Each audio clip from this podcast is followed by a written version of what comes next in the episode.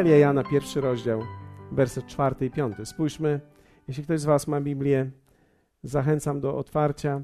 Jeśli ktoś nie ma, tekst pojawi się.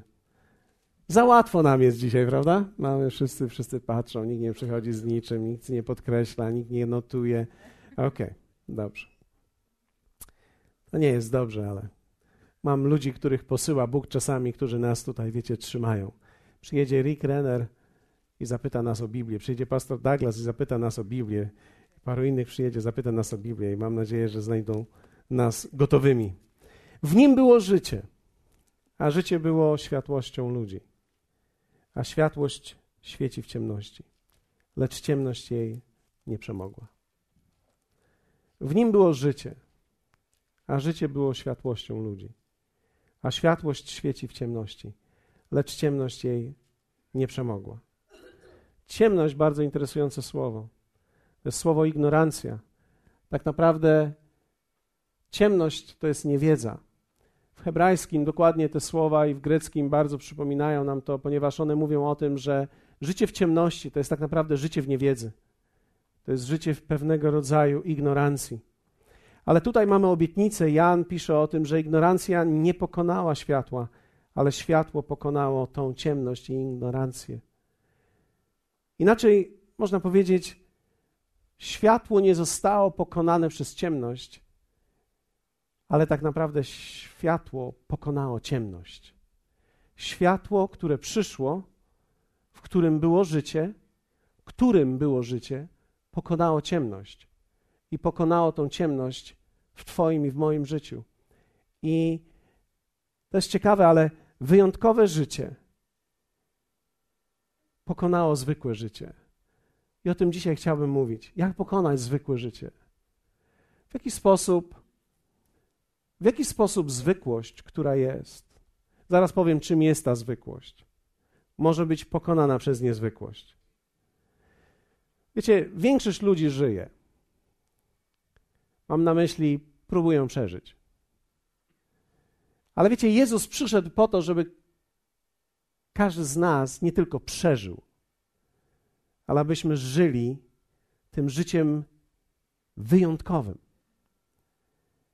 Jezus powiedział w Jana 10, 10, ja przyszedłem, aby miały życie. To greckie słowo życie to jest zoe, to jest wyjątkowe, obfite życie. Wyjątkowy rodzaj życia, który tylko tak naprawdę On mógł nam dać. Wyjątkowe życie jest w zasięgu ręki. Zastanawiałem się nad tym, dlatego że, wiecie, świat, który nas otacza, my żyjemy tak jak świat, który nas otacza. Dlatego dobrze jest też podróżować czasami, aby zobaczyć, jak inni ludzie żyją. Aby sięgnąć tak naprawdę wzrokiem pewnego innego poczucia, żeby zobaczyć, że istnieje inne życie niż to, które ja prowadzę. Czasami człowiek może mieć tak małe życie, że żyje w obrębie swojego bloku, w obrębie swojego kiosku, w obrębie swojego sano albo innego sklepu. Mam nadzieję, że nikt mnie nie posądzi, gdy pójdzie to w telewizji. Ale wiecie, e, rozumiecie, można żyć w obrębie swojej własnej biedronki, tylko mam tu biedronkę, tu mam Lidla i, i tu mieszkam, e, tu wychodzę z psem, tam robię zakupy, a tam to się w ogóle nie zapuszczam. Można mieć takie życie, taki obręb tego życia. Można mieć kilku znajomych, więc mam sąsiadkę e, Krysię i mam znajomą Jadzie i, i jeszcze mam znajomego Gienka i tam, tam wpadam do nich. Jeszcze chodzę do pracy i tam mam kilku znajomych e, w pracy, ale, ale to oni mają swoje życie. Można mieć, można mieć takie życie, nie ma nic złego w tym życiu. Problem jest tylko taki, że wiecie, większość ludzi próbuje przeżyć, nie żyć. Większość ludzi po prostu próbuje przeżyć. Dla niektórych ludzi przeżyć to już w ogóle jest cud. Tak, ale, ale wiecie, nowina jest taka życia. Ludzie przeżyją. Ty też przeżyjesz.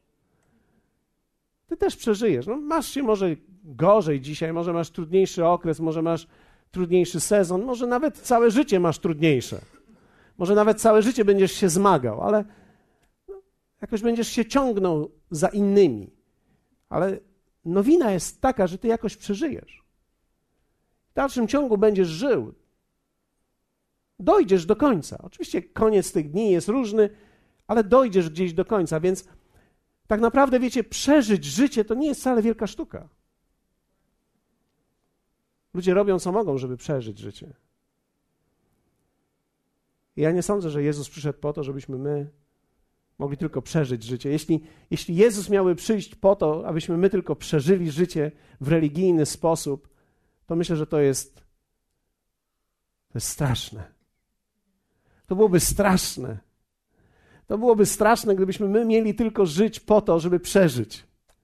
Ja mam nadzieję, że przyszedłem dzisiaj do ludzi, którzy nie chcą tylko przeżyć. Mam nadzieję, że przyszedłem do ludzi dzisiaj, którzy chcą więcej czegoś niż tylko i wyłącznie dociągnąć się na końcu.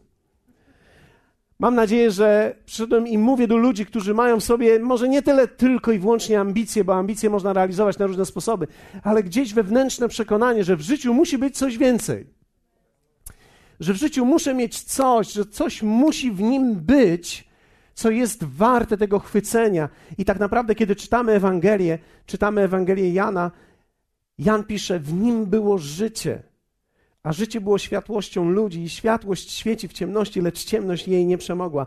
To znaczy, że to wyjątkowe życie pokonało to zwykłe życie. Istnieje możliwość, istnieją sposoby, aby pokonać zwykłość w swoim życiu, aby nie tylko żyć, ale żeby żyć życiem wyjątkowym.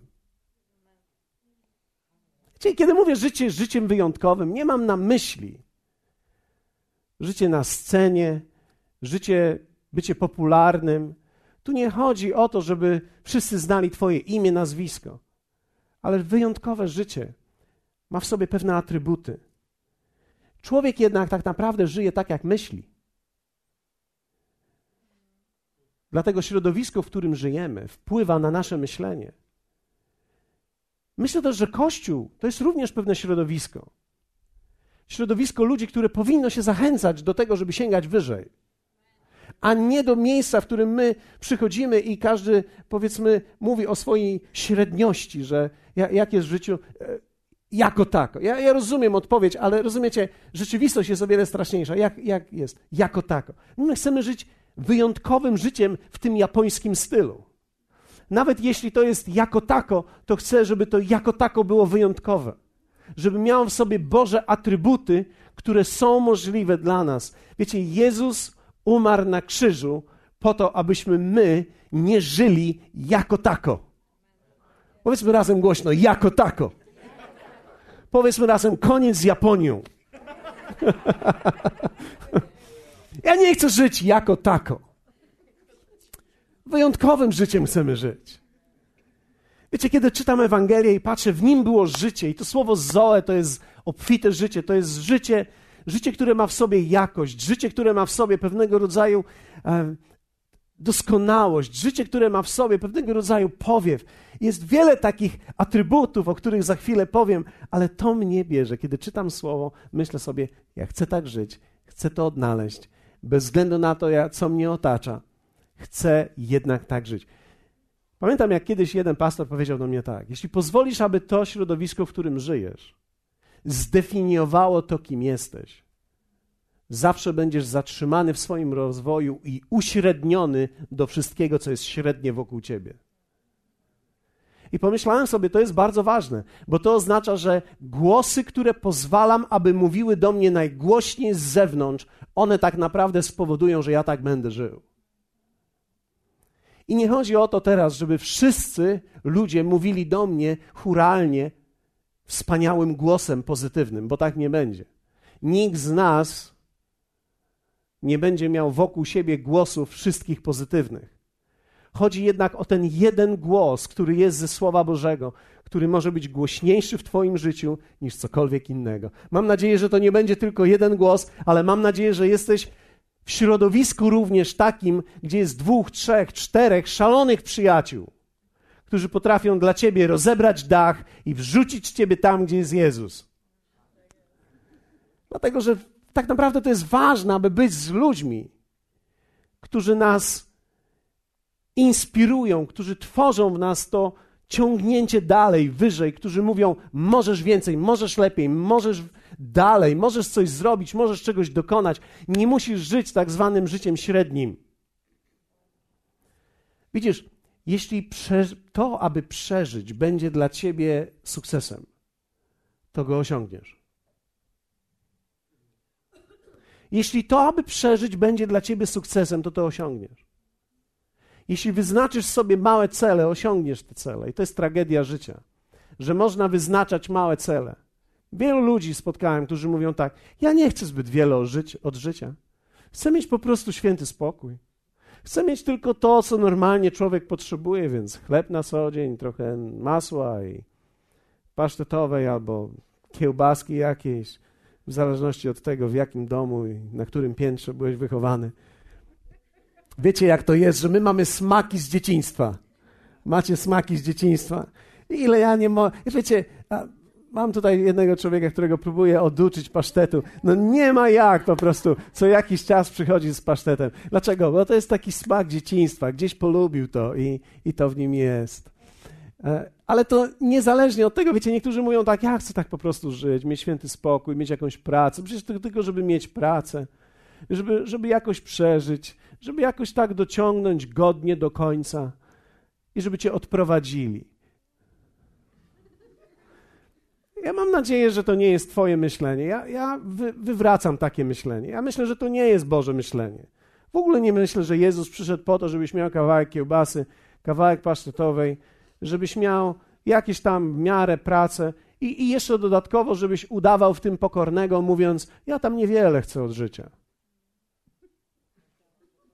No bo to jest takie, wiecie, my się dobrze czujemy, kiedy mówimy: Ja tam wiele nie chcę przecież. Wiele nie chcę.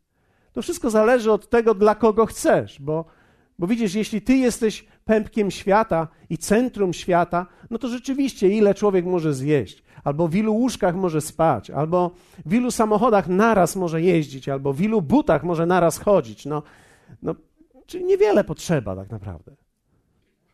Niewiele potrzeba. Ale z drugiej strony wyjątkowość to nie jest posiadanie, wyjątkowość to jest rodzaj i charakter życia, który posiadamy. Są pewne atrybuty, które są związane z tą wyjątkowością. I człowiek tak naprawdę musi zmienić myślenie, zanim zmieni życie. Nie da się zmienić życia, a później zmienić myślenie.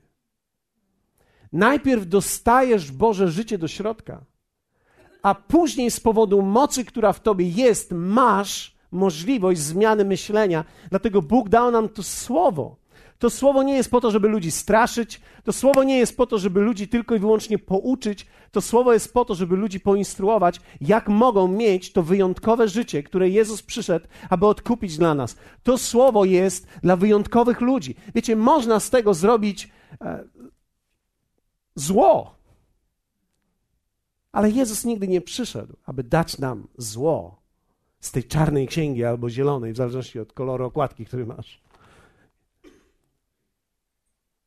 Jezus przyszedł, aby dać nam to życie, wyjątkowe życie. Powiedzmy razem, wyjątkowe życie. Jakie są to niezwykłe rzeczy, które możemy mieć w naszym życiu? Jakie są to niezwykłe rzeczy? Ja myślę, że jest ich kilka. Myślałem sobie, wymieniłem kilka, nie wymieniłem wszystkich, ale wymieniłem kilka myślę, że każdy z nas może powiedzieć, to jest wyjątkowe. Na przykład niezwykły pokój. Pokój. Greckie słowo irene, które oznacza poczucie, że wszystko jest w porządku. Poczucie, że jestem w ramionach Ojca. Poczucie, że jestem tutaj nie przez przypadek. Niezwykły pokój. List do Filipian mówi w ten sposób: A pokój Boży, który przewyższa wszelki rozum, strzec będzie serc waszych i myśli waszych w Chrystusie Jezusie. Pokój Boży to jest coś, co czuję w środku. Niezwykły pokój, bo ten pokój, zwróćcie uwagę, ten pokój jest niezwykły bo on ma w sobie coś takiego, że jest w stanie być wyższy i większy niż wszelkie zrozumienie. My mamy tam słowo rozum, dokładnie niż wszelkie myśli, które mamy. Kto z Was ma od czasu do czasu różne myśli trudne? Taki mamy dzień czasami. Czasami mamy taki dzień, że myślimy, że to jest właśnie ten dzień. Mamy taki dzień, gdzie myślimy, tak, to jest właśnie ten dzień.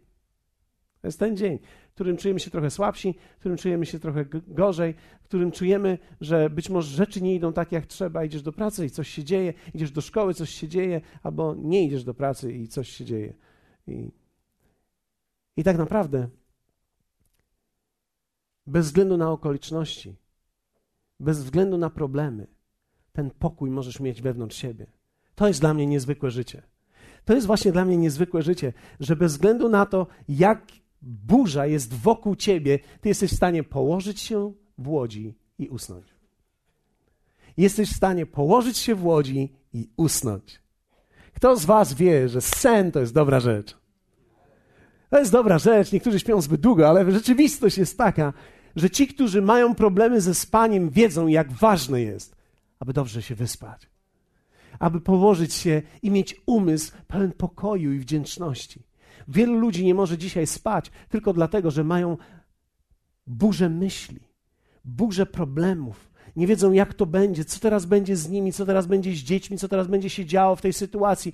Rzeczywistość jest jednak taka: Bóg chce, abyśmy mieli ten pokój, i to jest coś wyjątkowego. Ja bym chciał żyć takim życiem, gdzie mam taki pokój.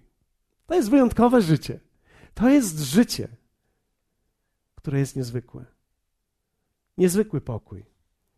To, co mamy jeszcze w tym życiu, to jest niezwykła radość. 2 Koryntian 8:2 mówi tak: iż mimo licznych utrapień, apostoł Paweł mówi o Kościele, i, iż, o ludziach pewnych, iż mimo licznych utrapień, które wystawiały ich na próbę, niezwykła radość. Powiedzmy razem, niezwykła radość. Wiecie, jeśli apostoł Paweł mówi i Duch Święty zapisuje to w tekście, że ta radość nie była zwykła, ona była niezwykła, niezwykła radość, niezwykłe poczucie radości. To znaczy, że to jest wola Boża dla nas, ale to jest również coś, co jest od Boga dla ciebie, iż mimo licznych utrapień, które wystawiały ich na próbę, niezwykła radość, i teraz zobaczcie, z czym to jest powiązane, i skrajne ubóstwo ich przerodziły się w nadzwyczajne bogactwo ich ofiarności. Jedno jest pewne, ci ten kościół miał problemy. Ci ludzie w tamtym stanie mieli problemy. Ci ludzie mieszkali w województwie pewnie zachodniopomorskim. Ci ludzie mieszkali być może, wiecie, gdzieś pod Koszalinem, nie w Koszalinie. Być może, być może w ogóle samo, sam Koszalin to już w ogóle jest prowincja dla niektórych. Wczoraj mieliśmy, wczoraj siedziałem obok jednej z osób tutaj na ślubie i, i ta osoba, pytam, Dzień dobry, tak się nazywam. E, skąd pan jest? I on mówi z taką dumą: Z Warszawy jest. No i oczywiście, wiecie, z Warszawy. To my od razu widzimy te wieżowce. Od razu widzimy te firmy, wszystkie, te logo, samochody. Warszawa. High life. Być może ktoś nas ogląda stamtąd. Jeśli tam mieszkasz, współczuję ci. Prawdopodobnie spędzasz więcej czasu w samochodzie niż na modlitwie. Chyba, że modlisz się w samochodzie. To zazdroszczę ci, bo w takim razie masz obfitsze życie modlitewne niż większość ludzi w ogóle w Polsce. Ale jest niezwykłe, coś niezwykłego, kiedy człowiek może nawet mimo swoich trudnych okoliczności życia żyć takim życiem, które nazywa się niezwykła radość. Ja bym chciał, żyć takim życiem. Myślę, że ono jest możliwe dla nas. To jest to życie, które Bóg miał, które ma dla Ciebie i dla mnie. To jest niezwykła radość. Kolejną rzeczą to jest niezwykła moc. Efezjan 1:19 mówi tak: I jak nadzwyczajna jest wielkość mocy Jego wobec nas, którzy wierzymy, dzięki działaniu przemożnej siły Jego. A! I jak nadzwyczajna. Wiecie, treść tych słów to nie jest taka zwykła treść. Te słowa są mocne, jak się wczytamy w nie. Zobaczcie, ile jest tutaj określeń tej mocy. Nadzwyczajna jest wielkość mocy. Już nawet nie nadzwyczajna moc, wielkość mocy. Nadzwyczajna. Powiedzmy razem, nadzwyczajna. Wielkość mocy. I teraz on mówi wobec nas. To jest piękne my możemy żyć nadzwyczajną mocą Bożą. Dwa tygodnie temu, kiedy miałem konferencję dla pastorów, mieliśmy, e, było nas około 400 osób na tej konferencji i mówiłem na jakiś temat. I pamiętam w czasie kazania, kiedy mówiłem, pewna kobieta widziałem, że zaczęła się poruszać i podeszła do mnie. Prawie tak jak, jak ten pan tutaj, a, a, ale podeszła do mnie i już nie do krzesła. I podeszła do mnie i, i przerywając mi, zaczęła coś mówić. Ja przepraszam bardzo. Przepraszam bardzo. Ja mówię, słucham. Wiecie, jesteśmy wśród pastorów, jest nas co prawda 400 osób, ale przerwałem i zapytałem, co się stało.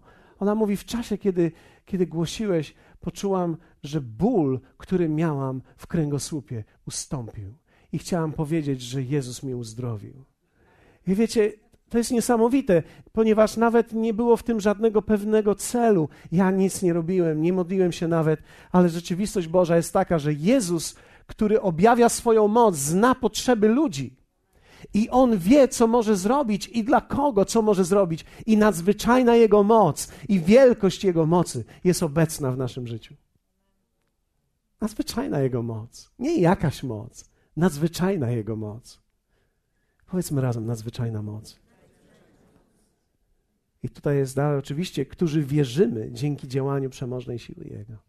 Czyli ona objawia się dla tych, którzy wierzą, ale to jest nadzwyczajna moc. Ja bym chciał żyć takim życiem, gdzie ta nadzwyczajna moc jest częścią mojego życia. Nadzwyczajny pokój, nadzwyczajna radość i nadzwyczajny, nadzwyczajna moc. Kolejną rzeczą, która jest, są niezwykłe relacje. Niezwykłe, niezwykłe. Powiedzmy razem niezwykłe. Wiecie, większość ludzi ma zwykłe. Inaczej mówiąc, mam kolegów, koleżanki, mam przyjaciół, mam psiapsiłki mam i, i psiapsiła mam i, i tam znam tego i znam tamtego. Większość ludzi tak żyje. Ale autor listu do Hebrajczyków mówi tak. Czy to, gdy byliście wystawieni publicznie na zniewagi i udręki, czy też gdy wiernie staliście przy tych, z którymi tak się obchodzono? Cierpieliście bowiem wespół z więźniami i przyjęliście z radością grabież waszego mienia, wiedząc, że sami posiadacie majętność lepszą i trwałą. Niezwykłe relacje. Artur, ja myślę sobie o, o tobie nawet. O tych niezwykłych relacjach, które Bóg mi dał do mojego życia. O ludziach, którzy tak naprawdę stoją razem ze mną pomyślałem sobie, to jest niezwykłe życie, kiedy są ludzie, którzy, którzy w niezwykły sposób podejmują decyzje. Którzy są w stanie zranić swoje życie, żeby stać przy Tobie. Którzy z drugiej strony są na tyle w Bogu, że będą cenić bardziej wartość niż Ciebie. Inaczej mówiąc, nie będą tolerować zła w tobie. Powiedzą ci, gdy robisz źle, ale staną za tobą, gdy będziesz potrzebował pomocy. To są niezwykłe relacje. List do Hebrajczyków mówi o niezwykłych relacjach, o ludziach, którzy byli połączeni ze sobą i to, co było między nimi, było niezwykłe. Ja nie chcę mieć znajomych tylko. Nie chcę mieć tylko sąsiadów. Wiecie, wszyscy mamy sąsiadów. Znaczy większość z nas. Może niektórzy z was mieszkają na takim odludziu, że, że nie masz sąsiadów. Ale większość z nas ma sąsiadów. Mamy znajomych, mamy współpracowników, mamy ludzi, których mijamy.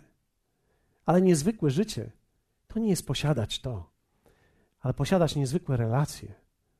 Posiadać niezwykłe relacje z ludźmi, którzy są w stanie stracić w swoim życiu. I z radością nawet tą stratę przyjąć, aby być z Tobą i stać przy Tobie. Zobaczcie, cierpieliście bowiem wespół z więźniami i przyjęliście z radością grabież Waszego mienia, wiedząc, że sami posiadacie majętność lepszą i trwałą. To jest wspaniałe. To jest niezwykłe. Powiedzmy razem, niezwykłe życie. Można mieć to niezwykłe życie. I dalej, niezwykłe małżeństwo. Hmm. Ja bym chciał tylko przeżyć. Wiecie, ja pomyślałem sobie, żadna sztuka mieć żonę. To znaczy, Bóg mówi, że kto żonę znalazł, to jest błogosławiony, to dobrze. No to jest też fakt. Ale wiecie, wielu ludzi żyje w małżeństwie. Zwykłym życiem i starają się przeżyć ale można mieć niezwykłe małżeństwo. List do Hebrajczyków mówi: Małżeństwo niech będzie we czci u wszystkich. Dalej, a łoże nieskalane, rozpustników bowiem i cudzołożników sądzić będzie Bóg. Pomyślałem, że dokończę ten tekst. No to jest prawdą. Jaki to sens jest spać w łóżku z kimś, kto nawet nie jest Twoim mężem albo żoną? Jaki jest sens dawać to, co jest częścią Ciebie i Twojego życia komuś, kto być może za dwa, trzy dni, albo dwa, trzy miesiące, albo dobrze, niech będzie, udało Ci się, dwa, trzy lata, zamknie drzwi i pójdzie. Bo powie, nie wyszło nam. Wiecie, prawdopodobnie coś wyszło. Musiało coś wyjść, skoro wyszło. Ale co to za życie jest? Co to za życie jest mieć zwykłe małżeństwo? Wielu ludzi żyje ze sobą i jakoś przeżyją. Ale jest możliwość mieć wyjątkowe małżeństwo. Myślę sobie o tych ślubach, które teraz mamy w tym roku, o tym, który był wczoraj. Myślę, jak ja bym chciał, żeby oni podjęli takie wyzwanie, że nie chcemy tylko jakoś przeżyć ze, ze sobą, żeby się nie kłócić i żeby jakoś w zgodzie żyć. Jakież to jest małe, no. Ludzie, przecież, żeby się nie kłócić, wystarczy tylko dwa życia sobie zaaranżować obok siebie. I się będziecie mijać, i to będzie wystarczające. Nie chodzi o to, żeby zaaranżować dwa życia, chodzi o to, żeby być razem. Żeby znaleźć drugiej osobie wsparcie i partnera i, i osobę, z którą odkrywamy przyszłość, i osobę, która będzie inspiracją, która będzie korektą, która będzie dla mnie uzupełnieniem, która będzie dla mnie wzmocnieniem, osobę, której przymierze będzie czymś wyjątkowym. Wyjątkowe małżeństwo. To jest możliwe. I kolejną rzecz może być niezwykłe zaopatrzenie. To jest ciekawe. List do Hebrajczyków mówi tak. Niech życie wasze będzie wolne od chciwości. Poprzestawajcie na tym, co posiadacie. Sam bowiem powiedział: Nie porzucę cię ani nie opuszczę. Tak więc z ufnością możemy mówić: Pan jest pomocnikiem moim. Nie będę się lękał. Cóż może mi uczynić człowiek? Powiedzmy razem: Cóż może mi uczynić człowiek? Czy wiesz, że ta treść, ten tekst mówi dokładnie o tym, że niezależnie od tego, jaka jest koniunktura, niezależnie od tego, jaka jest ekonomia, niezależnie od tego, co dany człowiek zrobi w moją stronę, Pan jest moim pomocnikiem. Kogóż się będę lękał? Zaopatrzenie, które jest w Bogu, jest o wiele lepsze niż to, które ja sam mogę mieć, sam, które mogę zdobyć. Wierzę w to, że wiecie, można mieć niezwykłe zaopatrzenie kiedy czytam Biblię, czytamy tutaj o niezwykłym zaopatrzeniu. Niezwykłe zaopatrzenie. Niezwykłe zaopatrzenie to jest znaleźć rybę i złowić tą właściwą, w której jest właściwa kwota na zapłacenie podatków. Kto z Was powie: Halleluja, niech żyje VAT?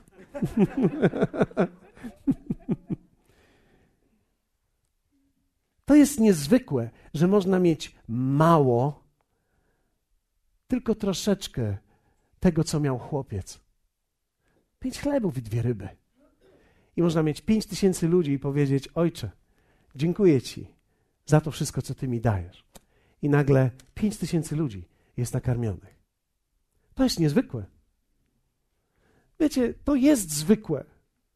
Zasiać i zebrać to, spodziewając się. Ale niezwykłe jest to, że Bóg tak naprawdę chce nas zaopatrywać w życiu w sposób, w jaki my nawet nie wiemy, że to jest możliwe. Hmm. Kto z Was chciałby mieć takie niezwykłe życie? Ja pomyślałem sobie, ja bym chciał, ja bym chciał być z ludźmi, ja bym chciał mówić do ludzi dzisiaj, którzy chcą mieć ten rodzaj życia. Nie jakoś przejść, nie jakoś dociągnąć, nie jakoś tak na dwóch kółkach z tyłu, ale dojadę. Ja nie chcę tylko do, ja chcę wyjątkowego życia. I wiecie, to co jest piękne w tym, to się okazuje, że nawet kalecy ludzie. Pamiętacie tego człowieka, który jest bez rąk, bez nóg? Powiedział sobie: Hmm, straciłem, nie mam. Tak naprawdę nie mam dwóch rąk, nie mam dwóch nóg, ale mogę mieć wyjątkowe życie. mogę mieć wyjątkowe życie. I można mieć wyjątkowe życie nawet w różnego rodzaju ograniczeniach. I to jest piękne. Ja bym chciał mieć takie życie. I słowo mówi dokładnie, jak możemy je mieć. Bez Jezusa jest to niemożliwe. Bez Jezusa takie życie jest niemożliwe, ale z Jezusem jest możliwe. W Ewangelii Mateusza w szóstym rozdziale czytamy: Nie troszcie się więc i nie mówcie, co będziemy jeść, albo co będziemy pić, albo czym będziemy się przeodziewać, bo tego wszystkiego poganie szukają. Dokładnie to słowo szukają w greckim to jest żądają do życia, pragną i chcą to zdobyć. Albowiem Ojciec Wasz Niebieski wie, że tego wszystkiego potrzebujecie. I tutaj. Ale szukajcie najpierw Królestwa Bożego i sprawiedliwości Jego, a wszystko inne będzie Wam dodane. Ale szukajcie najpierw Królestwa Bożego i sprawiedliwości Jego, a wszystko inne będzie Wam dodane. Jak mieć takie życie? Pierwsze, jeśli ktoś z Was notuje, jeśli ktoś z Was myśli teraz, pierwsze, trzeba uczyć się zarządzać, a nie zdobywać. Większość ludzi chce zdobywać. Większość ludzi nie wie, jak zarządzać. Większość ludzi myśli, że jeśli tylko będę zdobywał bez zarządzania, to będę miał więcej. Nie. Można zdobyć i można nie umieć zarządzać. I tak naprawdę Bóg, kiedy wprowadził Adama do ogrodu, zwróćcie uwagę, Bóg nie powiedział: zdobądź to wszystko, tylko powiedział: zarządzaj tym wszystkim. Wy, wyjątkowe życie to jest umiejętność zarządzania tym, co już teraz masz. Od tego się zaczyna. I tak ono będzie wyglądało. To jest umieć zarządzać tym, co mam.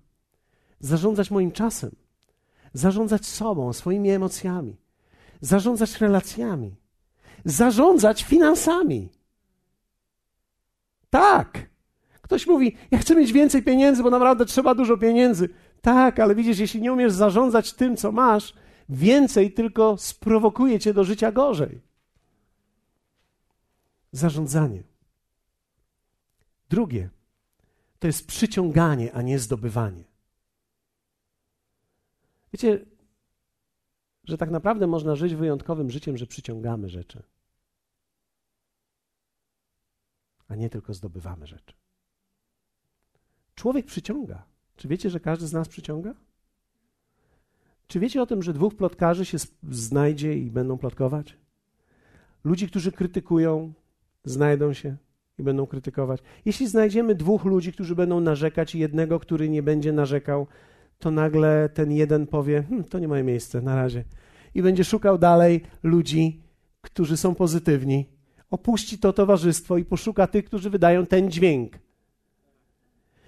Dlatego słaby będzie szukał słabego. Ofiara przyciąga drapieżnika. Tak jest. Tak jest w życiu. Więc też mówimy często do kobiet: miej godność. Nie bądź ofiarą. Co mam teraz zrobić? On wykorzystuje mnie i wykorzystuje moje życie. Wiesz, prawdopodobnie jesteś ofiarą. No, jak jesteś ofiarą, ja, ja kiedyś musiałbym przy, przyprowadzić tutaj mojego najmłodszego psa. Wiecie, on jest wytrenowany w poddaniu. On jest ofiarą za każdym razem. Jak tylko powiesz głośniej, on się odwraca na plecy, poddaje od razu. Nie możesz tak żyć, bo będziesz przyciągać drapieżników. Człowiek przyciąga. Przyciągamy to, kim jesteśmy. Dlatego zmieniając się, przyciągamy innych ludzi. Przyciągamy inne zasoby. Przyciągamy inną atmosferę. Przyciągamy inną kulturę. Tak naprawdę człowiek przyciąga w życiu. Gatunek przyciąga gatunek. Gatunek zawsze przyciągnie gatunek. Dwóch zwieszonych się znajdzie. O, ta mina mi się podoba, ja ją znam, ja ją taką samą mam. Widzę ją ciągle w lustrze. Wiecie, to jest bardzo ciekawe, ale my mamy to w sobie. Widzisz człowieka, patrzysz na człowieka, uśmiechasz się do niego, a on to ty już nie przyciągany jesteś do tej osoby. Szukasz osoby, która na uśmiech odpowiada uśmiechem, nawet większym. Hej! A ty mówisz, o, to jest moje towarzystwo. Gatunek znajduje swój gatunek. To jest wyjątkowe. Wiecie, można otoczyć się wyjątkowymi ludźmi. Wystarczy tylko zmieniać siebie i zaczniesz przyciągać zupełnie nowych ludzi. Kiedy zmienisz siebie, wymienisz swoje towarzystwo, gwarantuję ci to. Ludzie, którzy często są z tobą, będą odepchnięci czasami przez Twoją zmianę, a niektórym pomożesz. Trzecie, to nie jest zdobywanie, ale tak naprawdę to wyjątkowe życie staje się poprzez połączenie i dzielenie. Połączenie i dzielenie. Wiecie, większość ludzi żyje dla siebie, a ewentualnie dla swojej rodziny. Jezus to powiedział: dajecie tym, którzy są najbliżej. Jaka wartość jest w tym, że możecie dawać tym, którzy należą do waszej rodziny? Więc kiedy mam, wiecie, dzieci i chcę pobłogosławić moje dziecko i daję mu w chwili mojej euforycznej 10 zł i daję to mojej córce Marcie. Już dawno nie dałem ci dychy, prawda? Dzisiaj dostaniesz. E, jestem w euforii, chcę ją pobłogosławić, 10 zł i wtedy czuję, że jestem takim dawcą. O, jakim jestem dawcą. Jakim jestem dawcą? Daję tym, którzy są częścią mojego domu. Tak naprawdę, kiedy dajecie komuś, kto nie jest w stanie wam odpłacić, wtedy tak naprawdę stajecie się dawcami. I Jezus o tym mówił. Tak naprawdę klucz do wyjątkowego życia to jest umiejętność łączenia się z innymi. Wiecie? To jest połączenie. W liście do Kolosan apostoł Paweł mówi tak.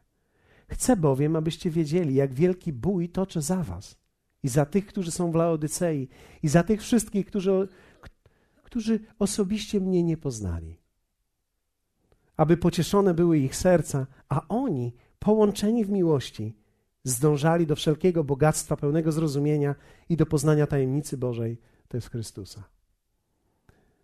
Wiecie? Wiecie, że to, co tutaj się dzieje, jest ze względu na nas, a nie na ciebie tylko? Czy wiesz, że tak naprawdę Bogu nigdy nie chodziło o to? Wiecie, niektórzy traktują Kościół, wybaczcie, że to powiem, ale niektórzy ludzie traktują Kościół jako bezobsługową stację paliw. Idę, ja tam idę dla Boga. Zatankuję, mam zatankowane, nie patrzę na nic, nikogo nie widzę. Wyjeżdżam. Byłeś w kościele? Tak. Skorzystałeś? Tak. Widziałeś kogoś? Nie. Rozmawiałeś z kimś? Nie. Przyjaźnisz się z kimś? Nie. Ja tam dla ludzi nie chodzę. Ja tam chodzę dla Boga. E, rozumiecie to skrzywienie? Czyli jestem ja i Bóg i moja stacja paliw. Kościół nie jest stacją paliw. Bóg nas nie powołał tutaj, żebyśmy my dzisiaj przyszli. Ciekawe, co pastor dzisiaj powie do mnie. Może nic. Czy jesteś w stanie cieszyć się z tego, że Bóg coś mówi do kogoś, nie do ciebie? Do mnie nie mówi, nie wiem. Dzisiaj jakoś tak było, nie wiem. Dzisiaj stałem przy tej stacji i nie, nie zatankowała mi.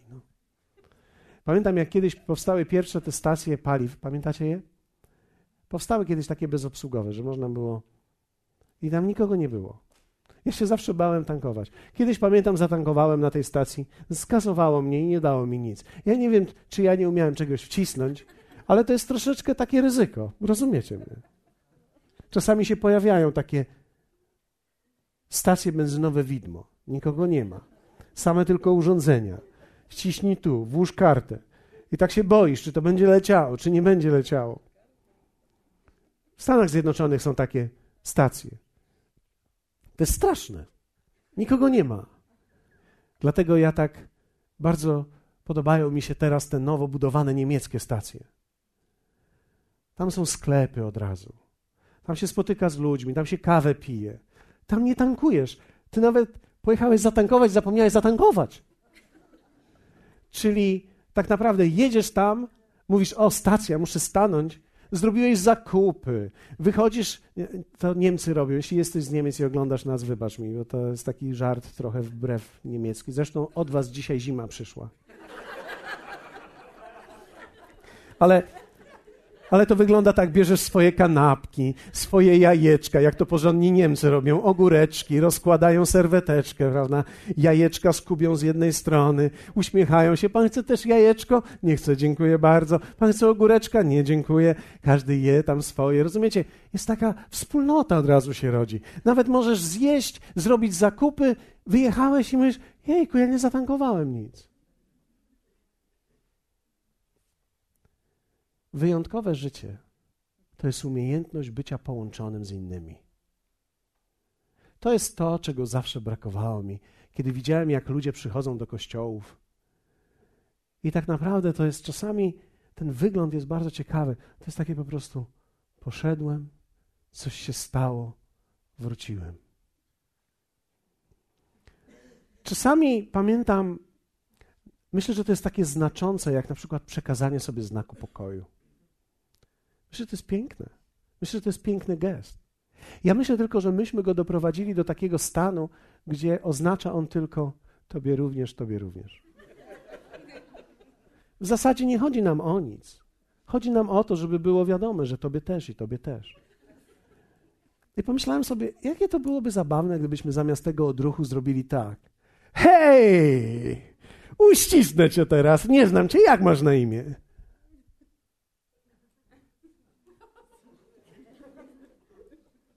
Wiecie, ja zawsze się bałem dziwnych ludzi.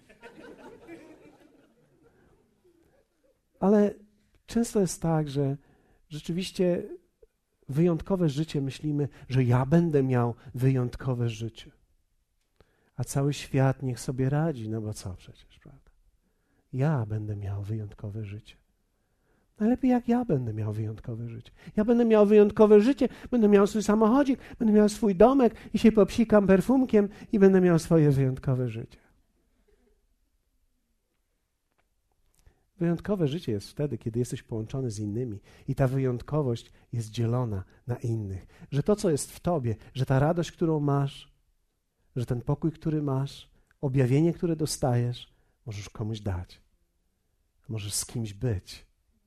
To jest wyjątkowe życie. Wyjątkowe życie to jest budowanie jedności, nie podziału. A ty do jakiego kościoła chodzisz? A my się nie zgadzamy, jak prawdziwi, prawda? Protestanci się nie zgadzają. Prawie z niczym się nie zgadzają, ze sobą też się nie zgadzają. Się nie zgadzamy z niczym. Ja ci udowodnię, ja mam cytat. Mi 15. Dasz się uściskać? Wiecie, my czasami przesadzamy. Czasami przesadzamy w tym udowadnianiu sobie teraz. Dlatego, że tak naprawdę Bóg nie dzieli ludzi w ten sposób. Bóg nie dzieli w ten sposób. I myślę, że podróż wspólna jest genialna. Myślę, że połączenie jest czymś wyjątkowym. To nie skarby dla mnie tylko, ani dla mojego życia, ale dla nas, dla Kościoła są istotne. Wiecie, Człowiek każdy jest odpowiedzialny za siebie, ale my nie żyjemy dla siebie. Że jestem odpowiedzialny za siebie, ale ja nie żyję tylko dla siebie. Dlatego mówię, czasami patrzę na ludzi, którzy więcej mają kontaktu z komórką swoją, siedząc wśród ludzi. Ludzie wokół. A my mamy relacje.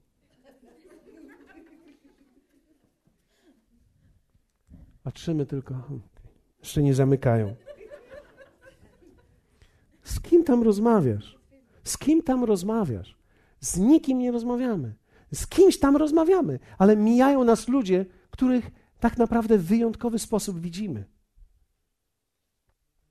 Dlatego jest sens małych grup. To jest sens małych grup. O, ja nie będę w małej grupie. Ja, ja przychodzę w niedzielę, ja lubię tą atmosferkę, prawda? Ja lubię.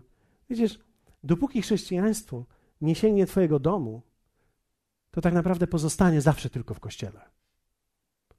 I mamy zbyt wielu ludzi, zbyt wielu ludzi mamy w Polsce, których chrześcijaństwo tak naprawdę tylko jest w kościele, a nigdy nie dotarło do domu. Potrzebujemy domy otworzyć, potrzebujemy domy przewietrzyć, potrzebujemy domy posprzątać, potrzebujemy do domu domy zaopatrzyć w paluszki słone. Aleluja. To jest szczyt gościnności polskiej. Paluszki słone. Muszą być. Herbata na słodko i paluszki słone. Ale rzeczywiście jest tak, że dopóki o Bogu nie umiemy rozmawiać nigdzie indziej, tylko w kościele, ale nie umiemy rozmawiać w restauracjach, nie potrafimy rozmawiać w naszych domach, to tak naprawdę chrześcijaństwo zawsze pozostanie tylko w jakimś miejscu i nie będziemy mieli życia wyjątkowego. Wyjątkowe życie to zarządzanie, nie zdobywanie, to przyciąganie, nie zdobywanie i to jest łączenie i dzielenie się, a nie zdobywanie dla siebie. Ja chcę mieć takie życie. Kto z Was chciałby mieć takie życie? Powstańmy razem dzisiaj. Powiedzmy to Bogu, powiedz Jemu, Panie, ja bym chciał tak wyjątkowo żyć. I ja wiem, że niektórzy z Was mają dobry moment w swoim życiu teraz, niektórzy z Was macie trudny moment w swoim życiu, ale bez względu na to, w jakiej sytuacji i sezonie dzisiaj życia jesteś, wyjątkowość może być naszym udziałem. Jezus powiedział, w nim było, Jan powiedział tak o Jezusie, w nim było życie, a życie było światłością ludzi. A światłość świeci w ciemności, lecz ciemność jej nie przemogła. Nie mogę pogodzić się ze zwykłością.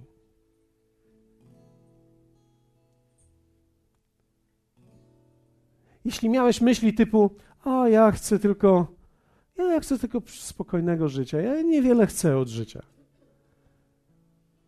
Proszę cię, proszę cię, błagam cię. Nie rób tego.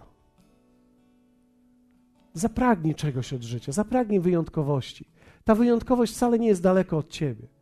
Możesz mieć niezwykły pokój, możesz mieć niezwykłą radość, możesz mieć niezwykłe zaopatrzenie.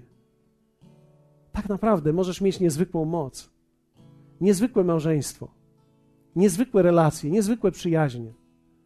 Niezwykłe, niezwykłe, niezwykłe, niezwykłe, niezwykłe, niezwykłe. Ale co ja mogę zrobić? Jestem mamą, wychowuję dzieci. Możesz być niezwykłą mamą. Nie musisz być zwykłą mamą. narzekającą i spoconą. Możesz być wyjątkową mamą. A co ja mogę? Ja, ja jestem tylko, prawda, pracownikiem, ja nic nie mogę w życiu. Możesz być wyjątkowym pracownikiem. Możesz być takim pracownikiem, że gdy cię zwolnią, to będą żałowali. A nie zwolnili mnie i, i mają ulgę. Możesz być takim pracownikiem, którego zapamiętają z tej dobrej strony, z tej złej strony. Co ja mogę? Ja jestem młody jeszcze. Możesz być młody i wyjątkowy. Nie mów, jestem tylko młody. Ktoś może powiedzieć, a co ja mogę już w tym wieku? Co ja mogę już w tym wieku?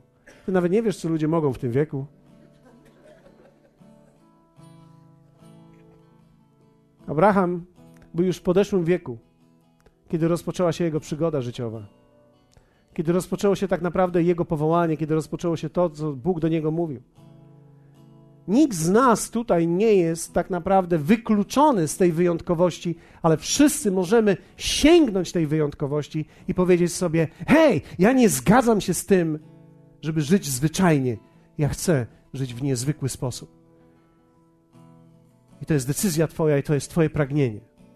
Musisz tego chcieć i powiedzieć dzisiaj Bogu i sobie samemu, może nawet komuś jeszcze. Nie zgadzam się ze zwykłością. Chcę czegoś niezwykłego w życiu. A to będzie dobre. Słuchajcie, zróbmy tak. Wiem, że ci, którzy nas oglądają, nie mogą tego zrobić, ale powiedz do dwóch, trzech ludzi, powiedz, nie zgadzam się ze zwykłością, chcę czegoś zwyk- niezwykłego. Chcę czegoś wyjątkowego w moim życiu. Niezwykłe małżeństwo, niezwykłe relacje, niezwykła moc, niezwykła radość, niezwykły pokój. To jest to, co ja chcę. To jest to, co jest moim pragnieniem. Pomyślałem sobie, że również dla nas to jest istotne. Wiecie, my nie chcemy zwykłego kościoła. Jaki kościół budujecie? No tak, normalny kościół budujemy. Nie, nie, nie, nie, nie. Nie chcemy normalnego, zwykłego kościoła. Wyjątkowy kościół. Wyjątkowa grupa, wyjątkowi ludzie, wyjątkowa atmosfera, wyjątkowe życie, wyjątkowe, wyjątkowe, bo taki jest Jezus. On przyszedł i umarł za to, za wyjątkowość, nie za zwykłość. Hallelujah!